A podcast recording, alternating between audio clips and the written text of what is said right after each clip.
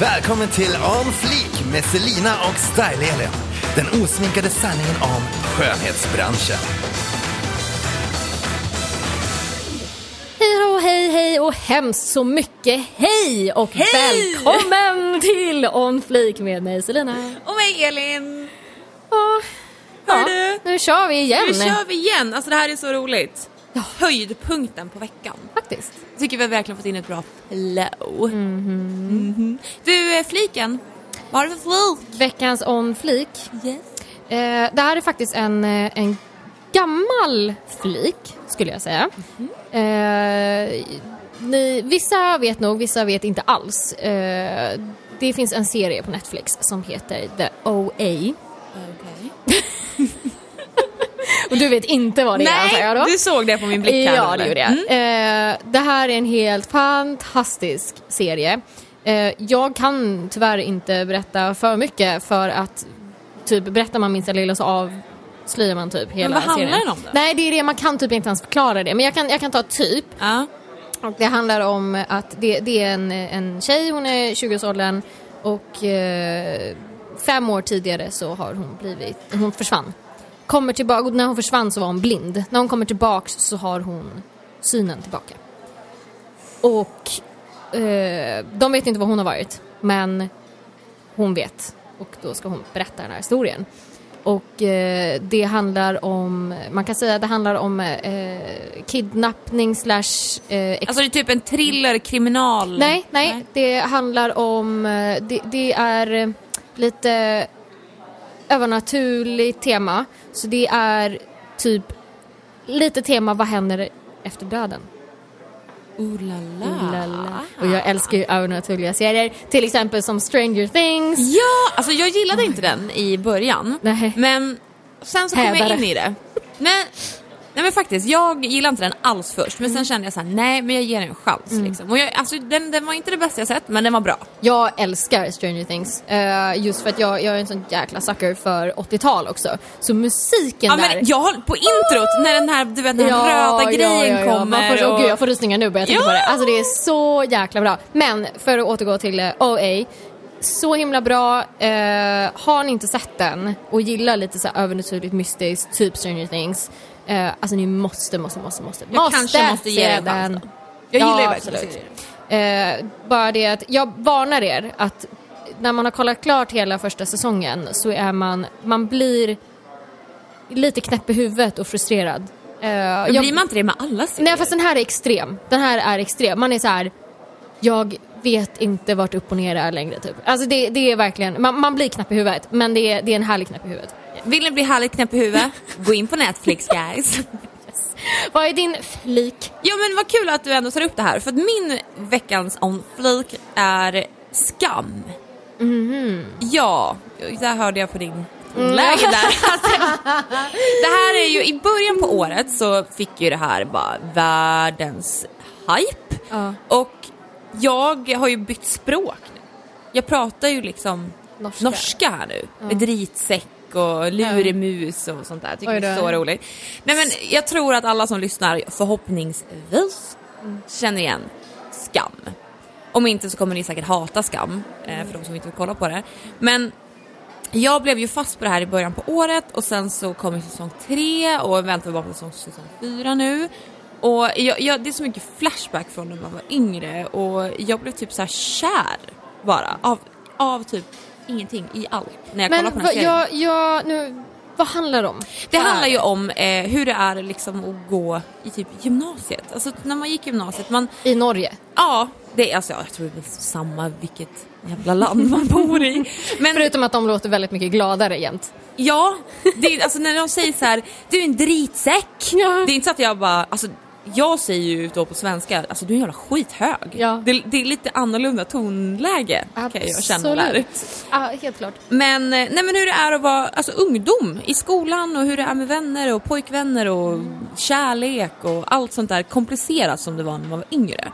Och jag tror att den har blivit så extremt stor för att den har en sån igenkänningsfaktor. Ja. Man kan känna igen sig typ allt som händer.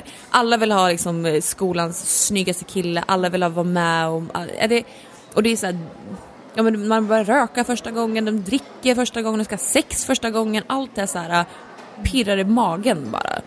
Så att jag är helt kär i den serien. Jag tycker den är fantastisk.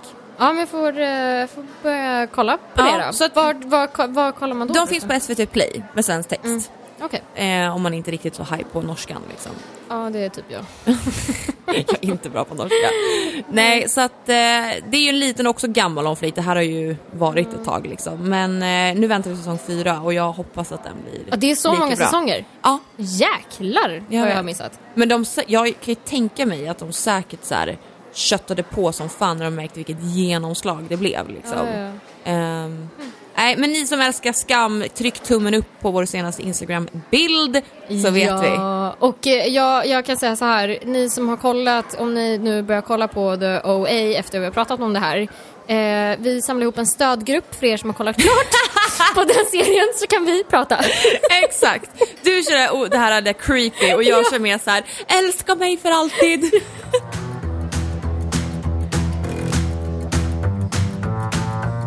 Vi har ju pratat mycket om hur det är att vara frisör och hur det är att vara nagelteknolog men det börjar ju alltid någonstans. Vi måste ju ha en utbildning för att kunna göra det vi håller på med helt enkelt och för att lyckas.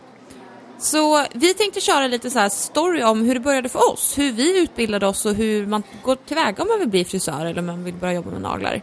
Så uh, Selina, what's your story? Hit it! Hit it sister! Ja, eh, vi pratade ju faktiskt lite om det här i eh, förra avsnittet när jag berättade början där när jag eh, hamnade på min första salong. Men innan det så gick jag ju då min utbildning. Och eh, som sagt, det här var då 2005. Mm en höstig dag. En höstdag. Förra gången var det en somning. Ja, precis. Nu blir det höst. Nej, det, om vi backar ännu lite mer tillbaka så var det faktiskt så att jag jobbade på en, eh, ett café i Gamla stan. Det här var typ mitt första jobb efter gymnasiet. Och på det här kaféet så träffade jag en eh, kollega som visade sig att hon hade precis flyttat in typ fyra minuter från där jag bodde på Lidingö.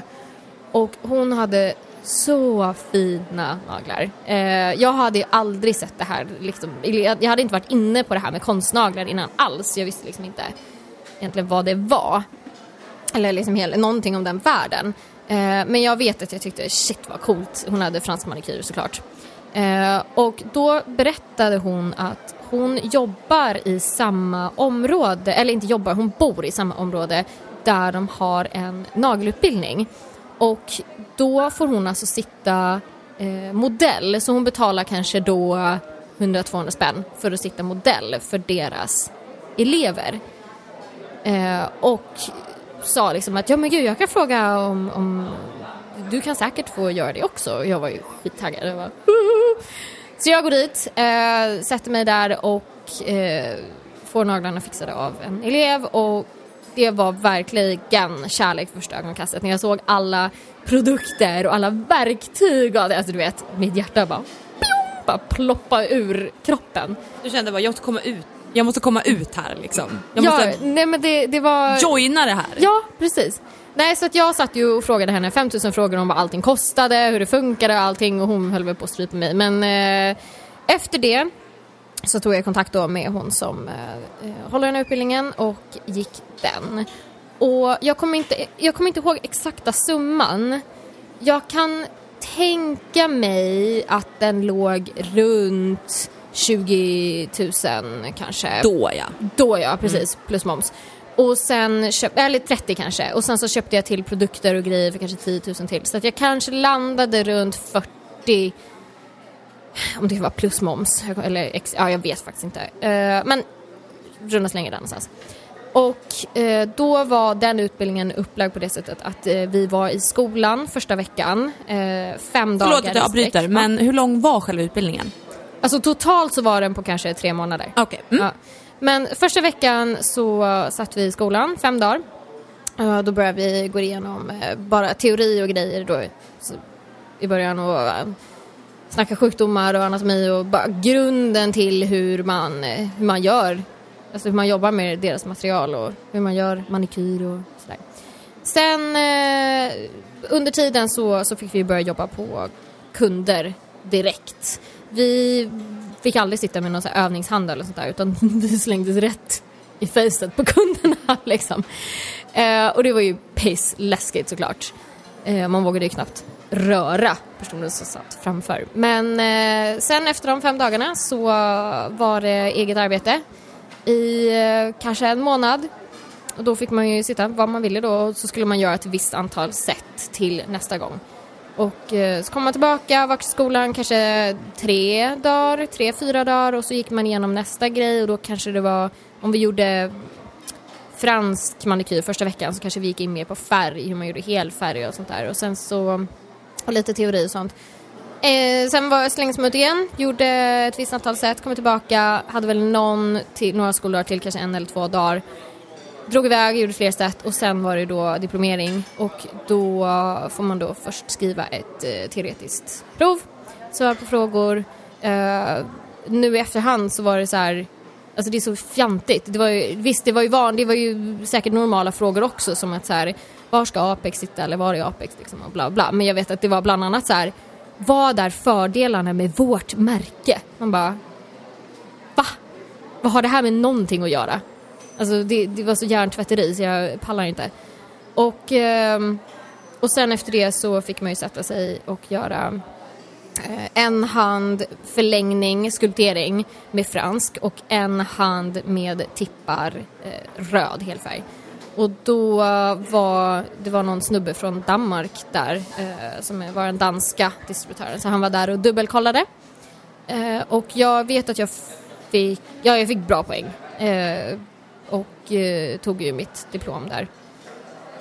Sen eh, började jag jobba på den där salongen och the rest is history, history. så att säga. Men nu i efterhand så jag tyckte, jag, jag måste säga att jag, jag, kan inte ta tillbaka att jag tycker att det var kul. Det var extremt roligt att gå den här utbildningen. Alltså, jag, jag blir fortfarande så här att jag önskar att jag kunde gå om min grundutbildning.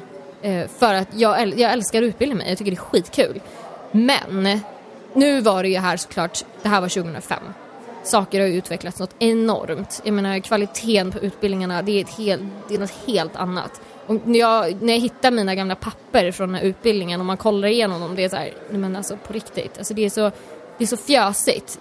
De, de går knappt igenom någon kemi, knappt någon anatomi, knappt någonting om sjukdomar. Alltså, och det är så här kopierat från någon jäkla ja, men från en annan bok så att när man ska kolla på bilderna på sjukdomarna då ser man bara svarta fläckar. Liksom man, man ser ju ingenting, man fattar ingenting. Utan de här sjukdomarna, många av de här sakerna har jag ju fått lära mig efterhand för när jag har stött på det ute i mitt arbetsliv att ja, det är så det ser ut. Så det, det, det är helt sjukt egentligen. Eh, jag har ju verkligen tagit ansvar och lärt mig Eh, som tur är, också som jag pratade om i förra avsnittet med, om Jim McConnell som äger Light Elegance. Han är ju kemist och en väldigt nära vän. Och vi är ju båda nördar. Vi är ju brutalnördar båda två. Vi nördar oss något extremt när vi är ute och reser. Alltså även om vi, om vi är ute och håller kurser och sådär. vi brukar hålla kurser tillsammans. Eh, så han snackar kemi och jag kör mer eh, bygg och nail och sådär. Men då kan vi sitta på frukosten och bara men du, den här polymeren i den här produkten med bla bla Alltså vi är så töntiga. Men jag har lärt mig så mycket av honom. Vilket är superviktigt. Man måste Men det är ju därför man blir bättre, för att man är nyfiken. Precis. Det är ju det allting handlar om. Verkligen. Så att eh, jag har ju haft den extrema fördelen att jag har en av, på riktigt, världens bästa nagelkemister så nära till hands. Att jag har kunnat fråga honom om allt så att det, det är jätteviktigt eh, att man kan det här och liksom för att undvika skador och allergier och allt vad det nu kan vara. Alltså det är inte bara att så här, ja men jag köper det här på Ebay och sen så kör vi. Gör inte det. Och jag, jag vet ju den här klassiska argumentet som jag har fått på mig flera gånger. Bara, men vadå? Alltså alla, alla har väl någon gång suttit och gjort det här hemma på sig själv. Det, jag menar erkänn, alltså innan du var utbildad. Och jag kan 110-procentigt säga nej, det gjorde inte jag. För att jag satt med lite nagellack, men det var knappt ens det. Alltså visst, jo, det gjorde jag. Men jag, var inte, jag är inte intresserad av naglar. Jag är intresserad av konstformen naglar. Om du Vad det du sa förra avsnitt eller för förra vad det var? Ja, att jag är mer en ta- tattoo artist men liksom för naglar. Ja men att typ naglar är en eh, spot att måla på bara. Ja, ja precis. Det, Vad var det, ja, det är eh, ett ställe att måla på. Ja. Grattis, tack. ja. eh, men, och det är så jag känner. Så att, så att men, och, menar 2005. Men hur viktig är, alltså det måste ju finnas klåparutbildningar också. Ja, gud. Eller hur? Alltså Oh, det, ja. Hur ska man tänka när man eh, väljer utbildning? Ja, då är det så här. I Sverige så har vi ju någonting som heter SAFE och SANSA. Eh, SANSA är ju då eh, inriktat på naglar, nagelutbildningar. SAFE är väl liksom lite mer skönhetsvård, fransar, hudvård, allt sånt där. Det är organisationer som ser till att eh, att de här utbildningarna håller sig till en viss standard. Så du ska ju först och främst hitta en utbildning som är Sansa eller Safe godkänd. Det, det skulle jag säga är A och O. Sen är det så här att om du går en utbildning som inte är Sansa godkänd och du sen känner att nej men jag vill byta till um, ja men Light Elegance till exempel som är Sansa godkänd då kommer inte du få köpa produkter av Light Elegance för att du har inte ett Sansa godkänt diplom. Så att det är viktigt. Om du ska lägga pengar på någonting, lägg det där du vet att du får mest ut av det och därför skulle jag säga absolut eh, kör Sansa godkänt. Så här står det på Sansas eh, hemsida. Eh, då står det då för Swedish Association of Nail Schools and Agents är en ideell och oberoende branschorganisation, branschorganisation eh, som bildades 2006. Sansa uppkom i samförstånd och gemensamt med de etablerade nagelskolorna och leverantörerna på den svenska marknaden. Tillsammans har dessa aktörer haft ett behov av en egen sammanhållande bransch...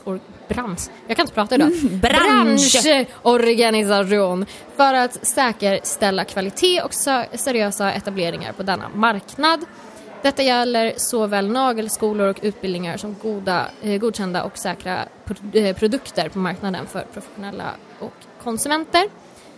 Eh, de aktörer som nu tillsammans bildat Sansa är alla verksamma i branschen och har lång erfarenhet av hand och nagelmarknaden. Det garanterar ett seriöst kvalitetstänkande vilket också är en av Sansas viktigaste syften, nämligen att tillse att standarden på både skolor och leverantörer som grossister och tillverkare är av högsta kvalitet. Eh, och att alla följer de lagar och förordningar som åläggs branschen samt naturligtvis eh, att etiska regler och god affärssed är ledande begrepp i vår marknad. Mycket text, men ni fattar grejen. Så varför är det då viktigt att skolan är godkänd av Sansa? Jo, för att det, som ni hör, eh, vem som helst kan faktiskt starta en skola.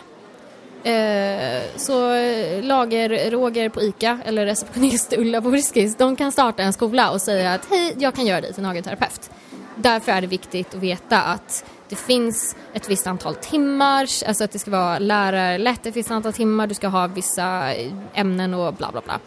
Så att det är jätteviktigt. Du kommer lägga ut ganska mycket pengar på det här. Så du, då finns ju Sansa som en hjälp för att ja, säkerställa att du får valuta för pengarna. Du har nog hittat eh, några skolor på till exempel då Sansas hemsida. Jag tror att det är då sansa.se. Där har de listat alla skolor.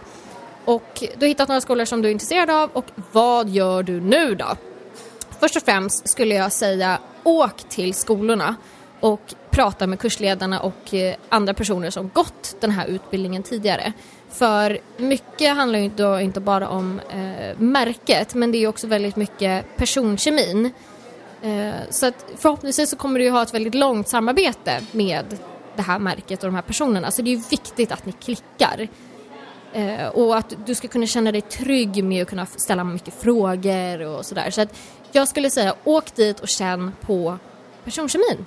Det, det är en viktig relation som du ska ha med de här. Sen är det också eh, viktigt att du bestämmer dig så att du vet vad du vill ha utav din skola när du är klar med utbildningen.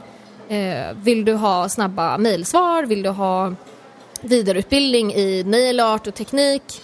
Uh, vill du att det ska vara liksom en eh, vad ska man säga, community, liksom att det är, det är mycket familjekänsla eller vill du jobba heller kanske på liksom, egen hand, du vill inte ha med någon att göra, du bryr dig inte.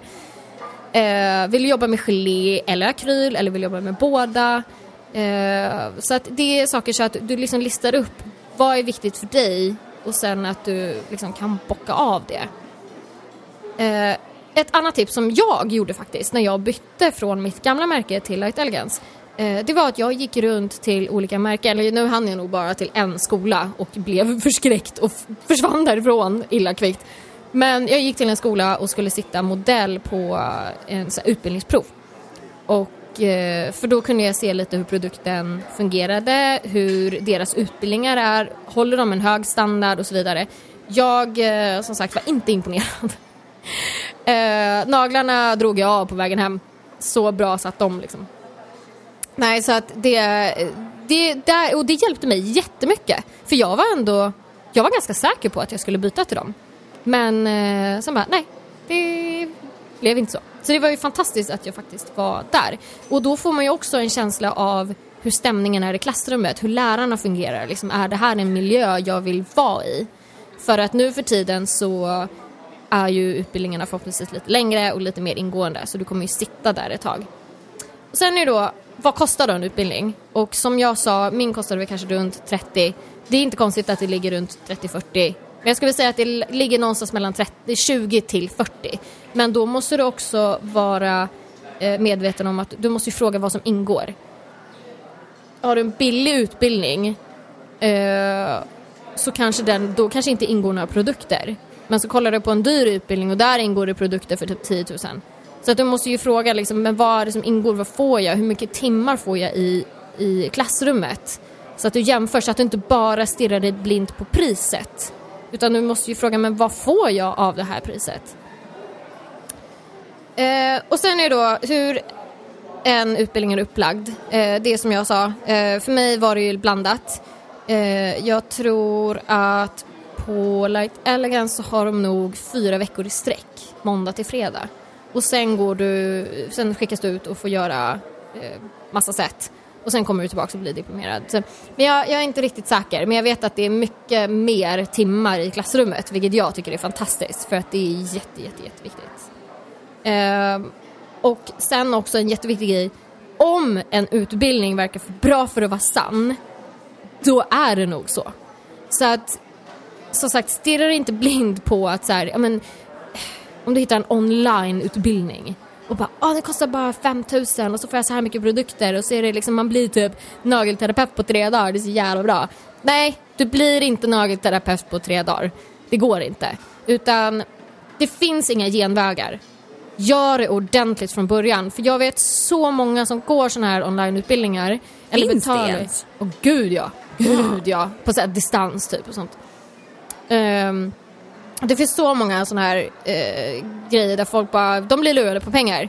För att det slutar ju med att, alltså det är så många som måste gå om sin utbildning sen hos något seriöst märke. Och då har du lagt liksom 10 000 på en crap-utbildning som du inte har någonting för. Du har förmodligen kanske lärt dig fel och, ja men du vet, det är katastrof. Så att gör research, prata med folk. Det finns ju, det finns ju några sidor på Facebook, uh, till exempel, vi har ju nagelgodis Uh, det finns en sida som heter Naglar i Norden.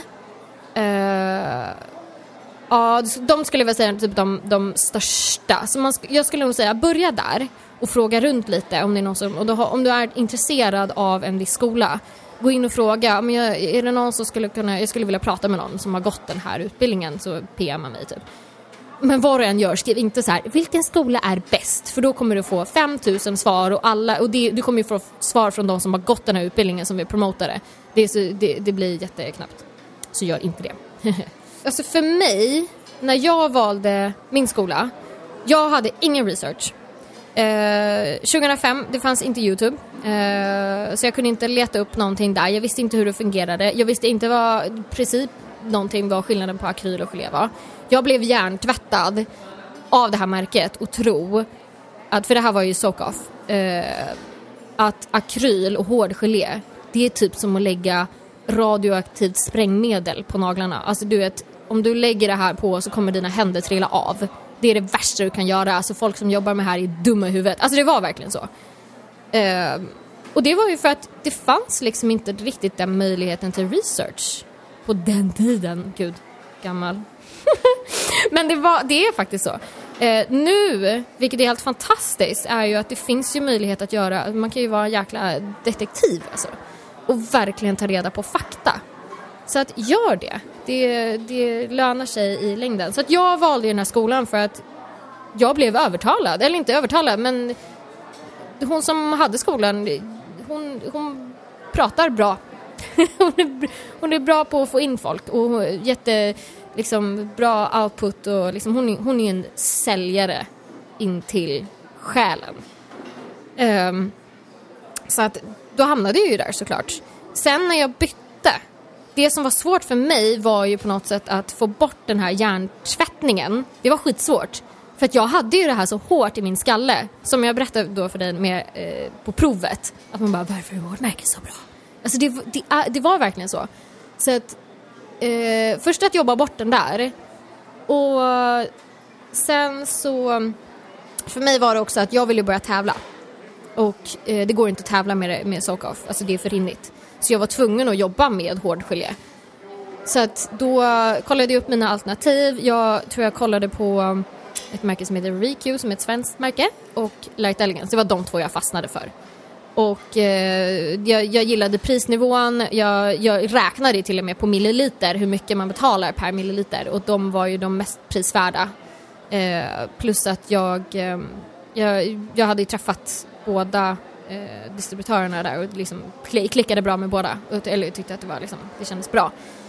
Eh, det slutade med att jag valde Light Elegance för att ReQ är mer tävlingsinriktat och Light Elegance var kanske lite mer nail art-inriktat och jag kände liksom att i grund och botten så är jag mer nail art. Så då hamnade jag där. Så det var ju liksom inte mer än så. Jag är ju superglad för det nu i och med att jag har fått så fantastiska vänner i USA liksom, och det bara växt något enormt. Um, men eh, ja, så där är lite tips och idéer på hur du ska leta. Det är en djungel. Det är en jäkla djungel. Men eh, det går om man vill. Och, men bästa rådet, var kritisk. Jag tänkte säga det, nyckeln i det här är väl research ja. i det hela. Precis. Och eh, jag skulle väl säga att det, det kan man ju lägga över på vilken utbildning du än ska gå. Alltså om det är fransutbildning till exempel. Jag menar de här punkterna är precis samma sak egentligen. Jag menar, lägg dig på britsen och var modell för en elev på en, en fransutbildning. Känn efter, hur känns det i klassrummet? Är liksom, hur känns läraren? Hur känns materialet? Vad, liksom, sitter det sen? Hur duktig, alltså nu kan man kanske inte vara så här, hur duktig var eleven? Men du får ju ändå en, en feeling på hur utbildningen är. Men man kan ju vara lite nyfiken också, fråga bara hur är det här? Ja, hur tycker du att det är? Precis, och prata, exakt. Prata, Då blir det väldigt ärligt prata med eleverna som går utbildningen under tiden. Men jag tror också viktigt att prata med folk i efterhand som har gått utbildningen. Så försöka hitta dem för att få lite input. Och eh, prata som sagt gärna med läraren och liksom se om ni klickar. Jag tror att det, det är så himla viktigt. Så ja, det var lite hur det ser ut på nagelfronten. Ja, men det var jätte, jätte, jättebra tips och sen så tror jag också att allting du ändå säger hör till ganska många utbildningar. Ja, så att man kan nog relatera till vilken utbildning, för det handlar ju också typ om de som vill bli massörer eller som vill ja. bli hudvårdsteknolog tänkte jag säga. Vad heter det? Hud, jag ska gå och träffa min hudvårdsteknolog nu. Terapeut heter ja. det väl? Nej men för mig så började det, jag gick ju frisörgymnasiet och det var ju ett jädra meck med att komma in där för då på den tiden eh, Nej, vilken tid var det här Ja då? det måste ju vara 2000 5, mm. 15. Mm. Är man 15, 16 när man börjar gymnasiet? 16. 16 måste jag bli, 2006 då. då. Mm. Eh, och då var det ju så här, det var så extremt populärt att bli frisör. Jag tror idag att det handlar om att det inte alls fanns samma typ av utbud av privatskolor som det fanns, som det finns idag liksom. Eh, och det var, det var liksom, skulle du bli frisör då var det Antingen blir du, får du gå som lärling hos en redan färdig frisör och lära dig den vägen eller så var det typ gymnasiet. Vad jag visste då i alla fall. Men jag kom in där och flyttade ner till, eh, jag flyttade från Gävle till Halmstad för att gå frisörutbildningen där och anledningen för att jag gjorde det var för att jag kom inte in på frisörutbildningen i Gävle. Så därför så flyttade jag ner och gjorde det där istället själv, vilket var en extremt bra erfarenhet. Men jag kommer ihåg, alltså jag hade en väldigt bra utbildning, alltså även på gymnasiet, för det är så, det blir väldigt utdraget och det har jag märkt idag när jag har pratat med väldigt mycket människor att det är bättre att det får gå längre tid. Alltså, det finns ju statistiskt att lär du någonting under en längre period så blir man ju bättre och det kan jag känna av vad jag har pratat med människor typ stämmer. Eh, men för att ska man gå privatskolor så är det ju typ så här ett år kanske och vi lär oss allt på tre år. Men eh, vi börjar väl ta hand om kunder tror jag typ årskurs två Alltså typ att klippa och färga och sådär. Men vi fick ju bara hands-on med att hålla på och styla och fläta och hålla på med hår ända från första stund egentligen. Men jag har, typ, jag har verkligen ingenting ont att säga om den utbildningen överhuvudtaget. Det var jätte, jättebra. Vi fick lära oss väldigt mycket på en gång. Vi fick börja med färgen fort, vi fick börja med kemin fort, vi fick börja med allting så fort. För att bli frisör är ju en vetenskap. Alltså du ska lära dig kemi, metaller, allergier, eh, hur vi funkar. Alltså, det är så mycket. att bli frisör och många tror ju så här, det är så glamoröst och fint att klippa hår hela dagarna. Man bara Yep. det är liksom 8-10 timmars jobb, du står upp hela dagarna och du använder kroppen hela tiden. Du använder psyket, du använder allt, hela din kropp, alla sinnen använder du för att jobba som frisör. Och det är tungt, det finns ju en anledning till att varför folk blir förtidspensionerade eller lägger av efter att de fått barn eller sådär. Ja, det, är inte, man, det känns som att folk är ganska, alltså slutar ganska ungt. Absolut. Är... Åldern på frisör är inte så hög. Nej. Och det är ju inte många som tant... Det finns ju vissa tantalurer som står mm. när de är 65 och har sin frisörsalong som back in the days. Men de är krigare kan jag säga. Fy fasen vilka kvinnor. Men eh, om, man, om man tänker att man vill bli frisör idag så finns det ju en uppsjö utav utbildningar. Det finns privata utbildningar, det finns, du kan gå fortfarande gymna gymnasieutbildningar, men det har ju förändrats väldigt mycket. För när jag gick, då var det tre år frisörutbildningen, men sen i slutet på trean, innan vi skulle ta studenten, så fick vi även ha en, alltså halva trean var dedikerad till att kunna ta gesällen. Och, och kanske ska berätta vad, vad Ja, gesäll det är alltså ett yrkesprov. Det är att när du blir certifier certifierad frisör det är dagens tema, vi kan inte prata. Nej vi kan inte prata, du får ja. diplom, men det låter så jävla skevt att säga ja. diplom. Men du, du blir sim, simskolan. behörig frisör. Ja. Du kan jobba utomlands och du kan jobba överallt. Och då på min tid så var det väldigt viktigt att ta gesällen och bli behörig för det var inga salonger som ville anställa frisörer som inte hade gesällen. Och som vi pratade om förra avsnittet så klarade inte jag gesällen på första försöket. Och eh, då fick jag vänta ett halvår och göra om ett moment som jag inte klarade då, som jag gjorde sen efter då. Um, men idag, vilket är helt sjukt, för att du går alltså tre år gymnasieutbildning. Sen lär du jobba två år på salong för, och eh, jobba ihop dina timmar som du måste ha med minimal lön, om någon överhuvudtaget. Sen därefter så kan du göra gesällen. Och efter det så blir du, alltså blir du behörig frisör. Så om man tänker krast så tar det dig fem år att bli frisör.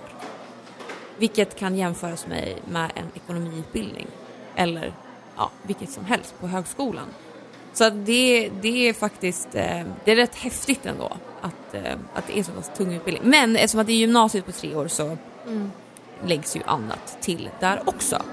Och jag ska faktiskt bara inflika med att säga att ni som går på gymnasiet, jag valde att ta två, alltså jag valde att ta eh, psykologi som extra ämne i skolan. Jag tog psykologi A och B och det kan jag tala om för er att det var jätte, jättebra att göra det. Det är ju sjukt smart. Ja, för att det lärde mig alltså så otroligt mycket. Visst, jag var väl inte så tilltaglig vid den åldern kanske, men idag så kan jag ticka tillbaka och bara, men gud vilken tur att jag gjorde det. Mm. Så har ni det som tillval på gymnasiet, ta det, för det kommer hjälpa er mm. i framtiden. Mm.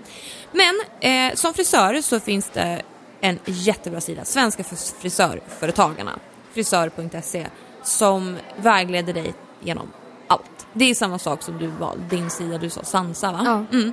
Och frisörföretagen har ju funnits i ages och det är även de som godkänner alla som tar gesällen så att man kan bli behörig frisör.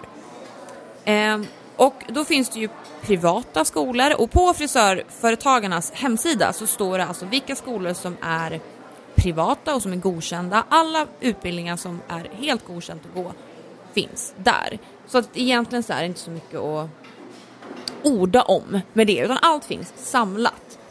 Eh, sen finns det en hel sida på frisörföretagarna där det är allt om utbildning, skolor, kurser, licens, gesällprov, mästarbrev, att hur man blir i gymnasiet, alltså you name it, allting. Och jag tänker inte gå in så jättemycket på det, men det jag vet är att jag får väldigt mycket frågor någon som vill utbilda sig privat. Och mitt tips, tycker jag, i dagens läge att bli frisör, det är att gå på de stora frisörjättarnas privatskolor. Till exempel Tony Guy, Björn Axén, ja nu kommer jag inte på något mer, men de här stora jättarna som har. För att det är så, för att, för att kunna bli en duktig frisör så måste du ha Alltså det måste vara kontinuerligt hela tiden. Du måste ha tid med kunder. Du alltså det är det praktiska som är A och O. Och på sådana stora kedjor så är det väldigt mycket drop-in. Det är mycket kunder som frenerar och det, du, du blir väldigt duktig. För att de har sitt rykte att tänka på och de vill inte utbilda dåliga frisörer. Vilket gör då i samma veva att din utbildning blir väldigt bra. Sen ska jag absolut inte säga att det är de bästa eller jag har egentligen ingen aning hur det är att gå på en sån utbildning för att jag inte har gjort det själv. Men jag har pratat med väldigt mycket människor och jag tror att man lär sig mest på att vara på en utbildning eller en salong eller var som helst och har mycket kunder så du får träna så mycket som möjligt. Och jag ska säga det, de här privatskolorna är ju CSN-belagda. Eller rätt, CSN-rättigheter har man på dem, så det är jätte, jättebra. För jag tror att en privatskola på ett, en bra salong eller verksamhet ligger säkert på mellan 100 till 250 000. Jäklar, det är så mycket. Ja, det är så mycket. Och det är mycket pengar, så det är ju jättebra att CSN har det. Sen läste jag faktiskt någonstans att du kan även gå på komvux och läsa upp och bli frisör. Hantverksprogram på något eh, läste jag häromveckan. Jaha, shit. Vilket är ju också jätteintressant. Så det finns ju väldigt mycket alternativ. Men som du Selina var inne på också så det, det gäller exakt samma sak. Att det är research, du kollar vilka som har gått den utbildningen, pratar med folk, går dit och pratar. Alltså det, det är A och O. För att mm, på något eller annat vänster så kommer vi in på personlighetstyper här också. Vissa, alla salonger har ju sitt eget sätt att vara på. Vilka, vissa är kanske lite mer artistiska och vissa är lite mer kommersiella. Det är väldigt olika hur man blir utbildad och det är jätteviktigt att bara få känna av det för det känner man liksom på en gång. Ja, men det var ju precis det jag, det jag sa där. Ja, jag, hade, jag hade liksom tagit ner det till två alternativ. Och det ena var ju mer inriktat på uh, tävling och det andra var ju mer på nail art. Ja precis, för jag kan tycka att Tony Guy till exempel är ju lite mer artistiska och Björn Axén är lite lite mer lättare kommersiella. Det var den är ju- uppfattningen jag har fått. Det är ju ganska intressant att veta. Ja. För som, som en sån grej, om jag hade velat bli frisör då hade jag inte haft en aning om det. Och då kanske jag är lite mer artistisk och då är det, okej, så då är det mer så Tony Guy. Ja för när jag ser frisörer som kommer till exempel från nyexade från Björn Axén till exempel, man ser att de, alltså man det är lite sådär, man blir ju lite hjärntvättad. Det, det är ju så. Eh, när man går produktplacerade Mm. Ja men det är ju precis som jag sa. Ja. Ja. Och det gör ju också det att ehm, det blir ju svårt sen att ändra. Men det som jag också bara vill säga att när man är nyexad, Mm. man är inte klar. Man Oh. är inte färdig frisör, man Nej. är inte färdig nagelteknolog. Nej. Alltså jag var sämst när jag gick ut. Mm. Alltså jag kunde knappt föna ett hår, jag kunde knappt hålla en jävla rumborste. Jag var, alltså det är bara, liten, det är bara ett litet frö att Ja. gå en utbildning. Sen ska man ha koll, man ska ha koll på vad man gör, man ska ha kunskap. Men de, de flesta sakerna lär man sig med tiden. Men det, det som är viktigt där är ju att jag vet att det är många som är till exempel som är naglar. Ja ah, men det finns så himla mycket video på Youtube och det är, man kan lära sig allt på Youtube och bla bla. Man bara nej man kan inte lära sig allt på Youtube för att alla har sina olika sätt att jobba på. Det viktigaste är att du får en grund så att du lär dig på rätt sätt. Från början. För annars kommer du lära dig på fel sätt. Sen om du känner så att nej men shit jag måste nog gå en utbildning. Då får du liksom lära om och det är mycket svårare än att lära sig från start. Ja, för jag kände någonsin när jag var klar med min utbildning, då tyckte jag så här, men jag har grunden. Jag kände att jag har en bra grund, jag har koll ändå Ja. på liksom Du det börjar mesta. på rätt sätt. Jag börjar på rätt sätt. Sen därefter, för man kollar på varje frisör, så är alla helt olika. Du, du kan klippa, men till exempel om vi tar, när vi står i en, på skolan i en stor klass med tio tjejer säger vi. Vi får en uppgift att klippa exakt precis samma klippning, exakt samma teknik, samma längd på håret, samma utgångsläge. Allting är precis samma förutsättningar för alla. När man är klar då och blickar över allas träningshuvuden. Det finns inte ett enda huvud som ser likadant ut än Nej. det andra. Och det där kan jag, jag har varit på kurser genom åren och exakt samma sak, vi ska lära oss våra, vi ska lära en teknik. Och så kollar man på träningshuvuden och bara, alltså vad är det här? Och jag blir så glad för jag tycker det är så fantastiskt hur man låter sig själv bli sin egen och ha sitt eget sätt att jobba. Och det är dit man ska komma. Det spelar ingen roll alltså, hur mycket du går ut och ska vara som någon annan eller ska, du ska vara lika duktig eller någonting. För det som är kärnan i allt det är att du själv ska skapa ditt eget sätt att jobba. Och det är där all erfarenhet kommer komma, det är där du kommer bygga upp precis på ditt sätt. Och det är det som gör att dina kunder kommer vilja gå till dig för du är unik. Ja, för att om du till exempel då kollar på någon som har hållit på med naglar och den sitter och gör det på Youtube och då kanske den gör en massa shortcuts. Men du lär dig bara shortcuten. Du förstår inte grunden till varför den här personen gör det här. Utan, men den här personen som gör det har ju, liksom, om man bryter isär det, vet varje steg i den här shortcuten, liksom, vad, vad resultatet av det här blir och varför, vad man måste tänka på under tiden. Men om du bara lär dig det snabba sättet, alltså, då har du ju inte bakgrunden till det och då kan du inte liksom skapa dina egna liksom, liksom, tekniker utifrån det. Du blir ju så låst, alltså, du måste ju kunna basics, och då rätta basics, från början. Visst, det är klart att man vill lära sig att bygga snabbt eller klippa snabbt eller jag vet inte vad, vad man kan göra. Men du måste lära dig på rätt sätt och Youtube är inte en 110-procentig ja, men gurubank. Det är lite intressant när vi är inne på det här med Youtube för att när jag började på med mitt, eh, med, med mitt startskott i det hela så ville jag någonstans, alltså jag bestämde mig, jag ska bli bra på omre. Alltså det ska bli min grej, jag ska bli bäst på det och det är så här, jag, ingen ska kunna göra mina omres liksom. För jag bara nej. Men då på den tiden så då var det ju inte som det är nu. Alltså du kan ju lära dig allt. Du kan få inspiration på allt på Youtube eller Instagram eller vad det än är. Men då sökte kom jag in, kom in på Youtube och bara, det här är alltså typ fem år sedan. Och bara så här, jag ska bli bäst på omre. Och då var det så här trötta, skeva, risiga videos från någon så här konstigt land där någon skulle göra någon typ av ombre. Och jag bara, men gud vad fult. Alltså hur, nej, så där vill jag inte ha det liksom. Så, googlade jag runt där och så kollade jag på Youtube så hittade jag någonstans, jag tog lite av varje video och fick inspiration för det. Och så började jag testa det på mina kunder och bara, mm, det här blev ju skitbra. så jag tog lite av varje, gjorde min egen grej av det och here I am. Så att Youtube är jättebra för inspiration och få Mm. lite tips och tricks och bara, ah, men jag kan lägga den slingan där. Men det är ingenting att stå på. Nej. Det är ingenting, det vänder på en femma. Ja, visst. Så att grunden är ehm, viktig. Hur, alltså är det i frisörvärlden, för jag vet till exempel med naglar, så är det lite det här av en och jag, jag kunde inte bry mig mindre. Jag är så här, vill du förstöra dina naglar eller någon annans naglar? Alltså jag, jag kunde verkligen inte bry mig. Jag, jag har lämnat den diskussionen för jag, ork, jag orkar inte. Jag orkar inte hålla på och trycka in i folks huvuden på det sättet som jag försökte förut och förklara varför du behöver en utbildning. Eller Folk vill inte lyssna. Vill man inte lyssna så vill man inte lyssna. Liksom. Så därför har jag lite lämnat det här. Men det är alltid en pågående ska man säga, fight mellan outbildade versus utbildade. Eh, och det kan man ju se tydligt på Facebook, liksom att eh, utbildade gärna pikar, liksom om det är någon outbildad och det, det blir lite så här ja, men, om någon lägger ut en bild så bara, ja ah, men jag är självlärd och då blir det lite så här sticksigt i luften. Eh, eller um, om det är en fråga, någon ställer någon fråga så här, ja men eh, jag skulle vilja köpa lite produkter, jag vill sitta hemma och, och jobba lite själv. Eh, var köper jag då? Och då kommer ju direkt folk in och börjar det här fighten igen. Är det så på frisörsidan också? Absolut, ja. så är det verkligen. För det finns ju någonting som heter att du går som lärling mm. hos en redan frisör.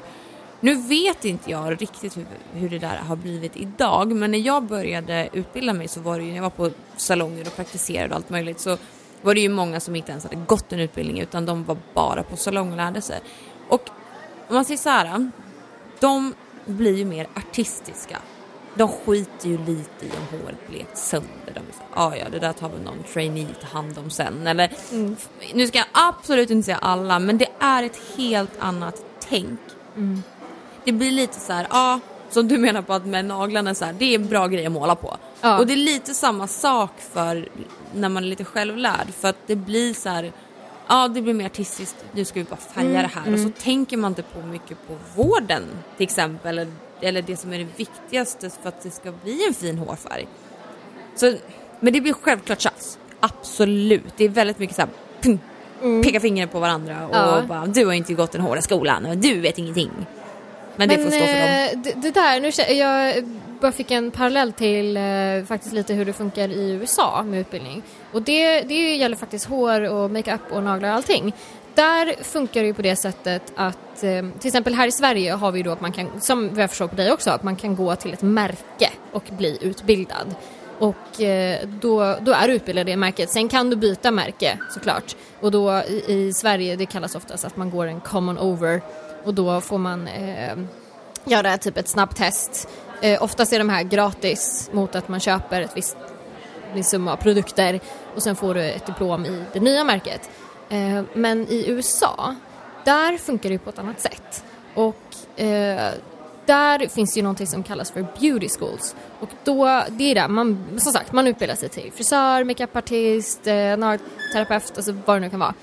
Sen när du kommer ut därifrån, då är du certified, då har du ditt certifikat.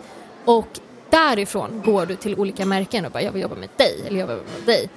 Eh, problemet med de här skolorna i och med att det här är ju, eh, nu ska jag, jag vet inte om jag ljuger, men att det är liksom lite government styrt, i alla fall för varje stat. Eh, så har ju de liksom inte riktigt det här sitt rykte att tänka på lite på samma sätt som ett märke för det är ändå ett brand. Eh, folk kommer gå till de här skönhetsskolorna oavsett på, alltså, om, på något sätt. Men, eh, men eh, märken har ju en helt annan press på sig att verkligen släppa ifrån sig hög kvalitet på eh, sina student, students, elever. Och eh, det som jag har märkt, och vilket vilket många amerikaner har, jag, jag, vet ju inte, men jag har bara fått det här förklarat för mig. Det, det är vad de har sagt. Att de känner att det, fokusen ligger mer på hur du inte blir stämd av dina kunder. Så det är extremt mycket fokus på hygien, hur du tvättar dina verktyg, hur du förvarar det, hur du liksom det är mycket liksom mer pappersarbete eller vad man ska säga för att jag menar det, det är ju lite mer den kulturen i USA liksom att man kan bli stämd för liksom, att liksom, råka titta på någon fel ungefär. Um, och därför känner de, de har liksom ingen grund att stå på när de kommer ut sen. Och då är det lite som du säger att många kör ju på då med det artistiska och liksom börjar med nail art och de slänger på hur mycket som helst. Alltså de kan ju vara fantastiska, alltså det är fantastiska ja, idéer. Ja, de är fantastiskt duktiga men, men ja, det är, det är mycket men. Här, you can't really polish a turd. alltså, Nej men det är så. Alltså har du en, en fel grund oavsett vilket enormt mästerverk du gör på det här så kommer det ändå se fel ut. Så jag kan, jag kan tänka mig att det är lite så med det du Absolut, säger. Absolut, det är samma sak. Um, och, uh, så att där är de ju, när jag håller mina teknikkurser, jag kan vara lite så här nervös innan bara shit, jag undrar vilken nivå de kommer vara och sådär. Men då är det verkligen så här, ja, nej men vi, vi tar det från början och de uh, vill ha det så. Det, som är kul, faktiskt lite en extra trivia här då, är att eh, amerikaner, i alla fall amerikanska nagelterapeuter ser ju enormt mycket upp till svenska nagelterapeuter. Du, det var precis det jag skulle komma till. Mm. För att nu, om vi vänder på den, jag har ju varit, jag har ju varit på kurser i USA. Mm. Och alltså förlåt, men de är så dåliga. Är det så? Det är en extrem skillnad på, för att när jag var i LA så skulle, då var det för ett brand som vi jobbade med här och som även finns i USA såklart. Eh, och då var det liksom, borden var som, en, som ett L. Liksom, så här. Och på ena sidan sitter då hela amerikanska liksom, klanen och sen på höger sida så sitter bara svenskarna, skandinaverna. Och på amerikanska sidan, då var det, alltså alla sitter, du vet de, de sitter så högt upp med armbågarna på bordet och de vill bara höra och lyssna och de vill bara, de är så här over the place. Så här. De kommer med kollegieblock och de kommer med typ suddgummi och de är helt så här. du vet, de, du vet de, Energin att de är- liksom typ ollar whiteboarden för att det är så här, man bara take it easy. Och vi då, vi har gått och typ alltså drämt till hela liksom muffins kaffebordet och bara har tagit hur mycket fika som det, helst. det, det är fika Det är liksom. fikat. Alla har gått till sats. Ingen har, inte, ingen har inte ens tagit bort plasten på liksom själva pennan som vi fick med. Nej. Utan vi skiter fullständigt i det. Utan vi sitter där och bara väntar på att de ska köra igång. Medan amerikanerna har liksom redan liksom pissat på borden för att de är så exalterade. och när, vi, när då de kommer igång, då är det en amerikansk lärare och den och så här, gay of course. Eh, och, och så här, jag, jag har inga ord. Vi satt som alla som fågelholkar och kollade på de amerikanerna och bara... Och då, då sa typ läraren så här, ah, eh, hur mycket schampo ska vi använda? Och då räcker hela klanen upp handen och bara Du ska ha det här i det här ämnet! Alltså Ja. så basic frågor som vi bara Ja. Man ska använda balsam ja. ja det, det var så rolig upplevelse, jag kommer aldrig glömma den upplevelsen. Men just på tal om det att ja, varje gång jag varit i USA på kurs så är det så här. Ja. Men är, Det det, är är det så då, eh, ser de upp till er eller tycker de? Ja, de gör de, eller de var ju inte jätteglada på oss kanske. Nej. Men för att vi, det är så här, lägg en bottenfärg. De la typ fem timmar för vi fick ju vänta på dem för de hade ju först sin färgsession. Oj då. De kladdade ju mer på väggen än på håret kan jag ju säga. Oj, oj, oj. Är det så? Eh, nu ska jag absolut säga att alla, alltså det är verkligen inte så, men på de kurser jag har varit på så är det väldigt stor skillnad på amerikanska frisörer och Ja, nej, svenska men som sagt jag tror det, det är väldigt mycket mer att de slängs ut eh, och förväntar sig på något sätt att att självläras. Eh, och jag, jag känner verkligen för de som jag har träffat på. Och nu ska jag måste verkligen lägga till. Så här, det är absolut inte så här på alla beauty schools. Verkligen Nej, inte. nej, gud. Alltså det finns beauty schools som är fantastiska i USA. Alltså verkligen med hög standard och kvalitet och allting. Men allt kostar ju där. Ja. Så är så det funkar. Precis, och jag, det, det, I Sverige ska det vara lika för alla. Ja, men just att, ja, om man ska säga den generella standarden är väl lite det här att du får en grund men du får inte hela grunden utan du slängs ut och bara nu är det klart, nu är det bara att köra. Och Eh, de är ju så fantastiska på det sättet att de är så tacksamma för allt de kan få och de är så hungriga på att lära sig vilket är underbart. Eh, men då har ju till exempel då eh, Light Elegance i USA har ju någonting som de kallar för Light Elegance University. Och det är att vi håller kurser då i, alltså on location, alltså i ett, klassrum. Men den finns också online. Så att de här som, för det är ju många, de bor ju ute i Tjotahejti, det är ju, jag menar USA är stort. Och de kan inte alltid åka till locations. Och då kan de faktiskt gå en onlinekurs och den är uppdelad i fyra delar. Och ehm, då får du liksom lära dig, alltså det, det är som en svensk utbildning. De har utgått mycket från, från eh, oss och från Belgien. Eh, och har liksom tagit lite efter våran typ av att lära ut och våran standard. Och sen på slutet när de blir diplomerade, då, jag skulle vilja säga att de hamnar väl kanske lite under svensk standard. Men de försöker verkligen att höja nivån för att jag menar det är jätteviktigt för dem att deras kunder kan hantera deras produkter. Men så är det väl lite med USA också. Vi har ju tagit jättemycket från USA till, hem Mm. till oss. Men det känns som att nu börjar ju även USA börja koppa Europa lite mer och Absolut. börja förstå att vi finns här borta, kontinenten här, vi också. Absolut. Så bara, oh, are you from Switzerland? Bara, no. Ja, man bara, ja. Klassikern. Nej, men, verkligen. ehm, nej men det är kul för att eh, om jag ska hålla en teknikklass i USA. Om jag använder mig ordet European style, alltså med teknik, då det är så exotiskt så de håller på att spricka och gå i taket. Och, så det är lite kul. Alltså att de, och, men jag, jag kan känna samma sak med, fast ja det blir ju European style men för mig, om man ska säga rysk stil då. Jag menar ryssar, de är alltså jag orkar inte hur bra de är. De är så bra så Exakt jag samma sak med hår. slänger De mig är i- i väggen. helt störda Ja när men det då kommer till det är en ryss som lägger upp en bild och man bara Fast jag orkar inte ens titta på den här bilden för att det är så bra. Och det är ju lite, jag kan känna att det är lite kanske därifrån, alltså de känner mot, mot eh, svenska eller skandinaviska nagelterapeuter. Vilket är skitcoolt! Alltså det är så jävla coolt att lilla Sverige ändå har eh, liksom så pass mycket respekt i, i skönhetsvärlden i USA. I vilken, vilken värld som helst. Mm, ja men det, det är häftigt. Eh, det är verkligen kudos till oss. Liksom. Veckans fråga.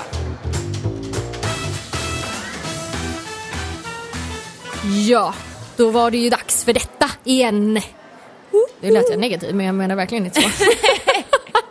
Det här är höjdpunkten. ja, faktiskt. Eh, vi har fått en väldigt rolig fråga, tycker jag. Jag med. Eh, vad är det äckligaste en kund har gjort? Elin, jag slänger frågan till dig. Ja, alltså jag kunde inte komma på någon så här eh, specifik kund riktigt, för att man har ju haft väldigt mycket kunder genom åren liksom.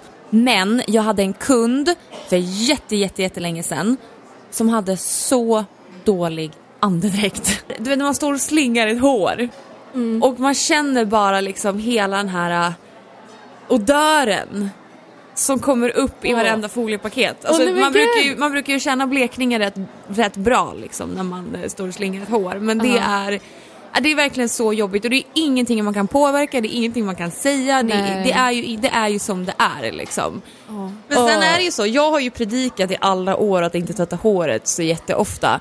Eh, vilket blir att de, när mina kunder kommer till mig, då kommer ju de gärna med fettigt hår för att säga till mig bara Alltså Elin, jag har inte tvättat mitt hår på en vecka och jag är så stolt och jag har följt alla dina tips på din blogg och visst är jag duktig.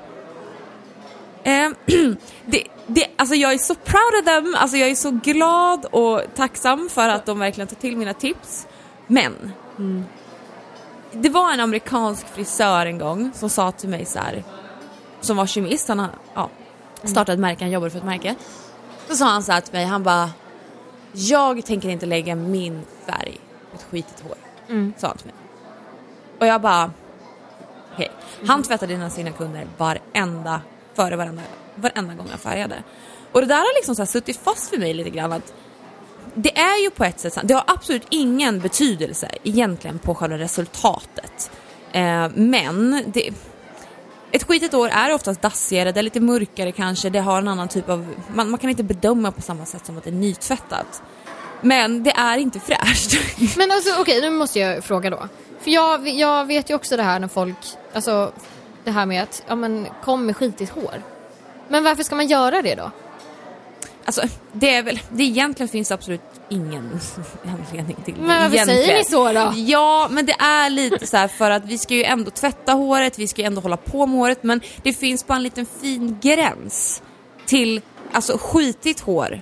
Eller vi snackar smörhår som ligger hur mycket produkter som helst under och det är liksom, det är bara inte fräscht. Eh, och sen har ju teknologin och allting förändrats så det är ju en helt annan grej idag än vad det var förut. Men vadå, var, var det någon anledning förut då? Ja men det hade ju lite med färgen att göra. Eh, Idag till exempel så är alla färger helt ammoniakfria, de flesta alternativ har man. Och det är väl lite som skrönor överlag. Att liksom att man bara kommer med skitigt hår fast det spelar verkligen ingen roll jag har egentligen. verkligen aldrig fattat det. Nej.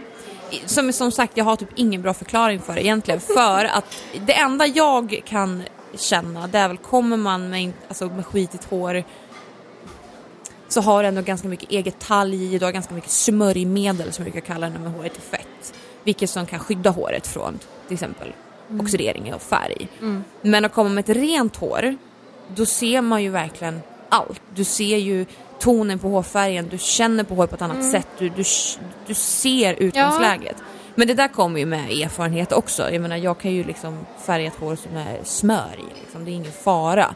Men det har ingen betydelse egentligen. Tyvärr. Så det, där skulle vi egentligen lagt in på hårmyter. Ja, men typ. I början där, våra avsnitt. Nej men så jag funderar på lite vad han sa liksom så här, bara, "Ja, men nej jag tänker inte lägga min fina färg på det här skitiga håret. Nej. Och då var det så här, ja fast han hade typ ingen förklaring egentligen till det heller mer än att det är hans färg, det är hans verk liksom. Gud vad konstigt, en sån så här etablerad grej som har bara, ja men kommer från luft. Eller det kan ju inte komma från luft. Vissa ser ju det typ så här, ja men det är bara för att vi, jag kommer ju tvätta ditt hår nu Ja. så du behöver ju inte göra det. Um, ska man bara klippa sig, nu pratar jag färg, men ska man bara klippa då, är det så här, då kollar man ju bara på vad man ska göra och sen går man och tvättar direkt. Så det har ju ingen betydelse egentligen. Då tvättar man direkt. Men det kommer till färg så har jag med tiden tyckt att dels för hygieniska skäl så är det mer nice att eh, det är någorlunda, inte helt nytvättat men någorlunda liksom fräscht. Mm. Jag har väl på något sätt i mitt huvud liksom skapat en bild av att om det är nytvättat så fäster inte färgen lika bra än när det är typ smutsigt. Alltså, Fast när det är smutsigt så ligger det så extremt mycket beläggning på Ja, håret. men precis. Det, jag, jag, jag själv har verkligen, jag, det är inte så att jag har suttit eh, hela nätter, hela nätter och bara hmm. Men eh, absolut, det har, det har passerat mina tankar och jag har inte riktigt förstått varför kanske. Vad är det äckligaste någon kund på dig har gjort? Alltså, ja, det var lite det här också med, ja, ja precis. Nej, nej, Det nu tar emot att säga lite Ja, nej men Alltså, alltså, alltså. Okej, jag tar det från början. Jag hade en eh, förstagångskund, eh, ung tjej, hon var säkert 17 och eh, hade betett sig väldigt konstigt när hon skulle boka sin tid. Och nu har inte jag tagit nya kunder på väldigt länge så att Uh, nu behöver jag inte handskas med det där. Men då så blev jag ett jäkla psykologiskt proffs på att kunna tolka hur folk uttrycker sig på sms, hur de är som personer. Och vissa får ju ett varningsmärke, eller triangel, direkt. Jag håller upp handen Ja, här. ja du gör det. Vadå du? Nej. Du är varningstriangel. Elin är varningstriangel. Jag har förbrukat tre nu. Ja, okej. Nej, Ja, jag nej. har också varningstrianglar Ja, på kunder. nej men om man märker, alltså det, ibland kan det räcka med ett sms för mig att fatta att det här är någonting som inte stämmer. Det känns inte helt hundra. Eh, men jag var väl inne då i den perioden jag bara, men sluta, sluta vara så jäkla besserwisser. Ge den här människan en chans. Bara försök. Jag, jag gillar att motbevisa mig själv på det sättet. Att jag menar, det är klart att jag vill ta in då i alla fall nya kunder. Så att eh, jag gav henne en chans. Eh, hon eh, bokade en tid och jag för mig att hon då, för jag sa att jag kommer stänga min bokning nu snart så att eh, vill, jag har en plats kvar om du vill gå hos mig regelbundet. Tar du den så får du den men eh, tar den inte så det är inte så att du kan boka om en månad för då har ju någon annan tagit den platsen. Eh, så att, men hon bokade en tid och sen så hörde hon av sig och då skulle hon avboka för att hon var sjuk. Och då sa jag, ja tråkigt men liksom det, Alltså jag, jag måste hålla den platsen öppen. Jag, jag, det var så himla många på kö liksom och sådär så att jag kände bara att, nej men, och lite i, också i och med att jag hade en dålig magkänsla så kände jag så här, ja men det kanske är lika bra. Men eh, nej, då skulle hon komma ändå. Och jag bara, okej, varningstecken två. Eh, hon kommer till salongen. Och hon är så sjuk. Hon är så jäkla sjuk. Alltså förkyld. Alltså snoret rann i hela hennes face. Alltså hon nös och hon hostade och hon snörvlade och hon var liksom Ja, det var helt san- sanslöst och eh, jag skulle göra förlängning på henne. Jag kan säga att det här var de två längsta timmarna i hela mitt liv. Eh, hon satt alltså, som sagt, hon satt och lät som att hon höll på att gå sönder. Och eh, satt och drog händerna under näsan så det fick snor på sig och sen så sträckte hon fram händerna som att jag skulle fortsätta av! jobba med det. Jag var This is not happening. Och uh, hon var, det, vet inte, det hör väl kanske inte till saken, men hon var jättestressad, kanske för att hon mådde dåligt, jag vet inte. Men hon satt och sparkade mig på benen, kommer du ihåg att jag tog upp det här? Ja, just hon, ja! satt, hon satt och sparkade mig på benen hela tiden och det var, det var fruktansvärt, alltså det var jättejobbigt. Och jag bara stressade på så mycket jag kunde och bara alltså, lycka till att jag ska hålla mig frisk efter det här. Men hon satt verkligen och nös och hostade mig rätt i fejset, tog händerna upp till fejset, torkade snoret och gav dem till mig och det var liksom Nej, det var så äckligt så jag höll på att avlida. Nej, den där lät inte mysig alltså. Nej, så det, det skulle jag säga är en av mina eh, värsta. Det får Hon, mig eh, att komma ihåg när jag var hos dig för länge sedan. Mm. Eh, när jag skulle åka till Paris. Kommer du ihåg det? Nej. Ja, då gjorde vi alltså de naglarna som, den, den nageldesignen som har fått De blå? mest av, ja, Mm. av all time. Alltså De den, blå och vita. Ja, den, det var det sjukaste nageldesignen du gjort ever liksom. Mm. Men jag kommer ihåg, det var precis dagen innan jag skulle åka till Paris och jag var så jädra förkyld. Kommer du inte ihåg när jag bara, kan jag få snyta mig? Kan jag få snyta mig? Kan jag få snyta mig? och, och då har jag förträngt det. Ja, bra. Men du För jag kanske tänkte gjorde bara, det- nej, nämner hon mig nu? Tänkte men jag. då, då, kanske, då gjorde du nog det på ett bra sätt. Alltså det var nog inte så att du körde upp typ halva handen i näsborren och sen gav en lobba till mig liksom.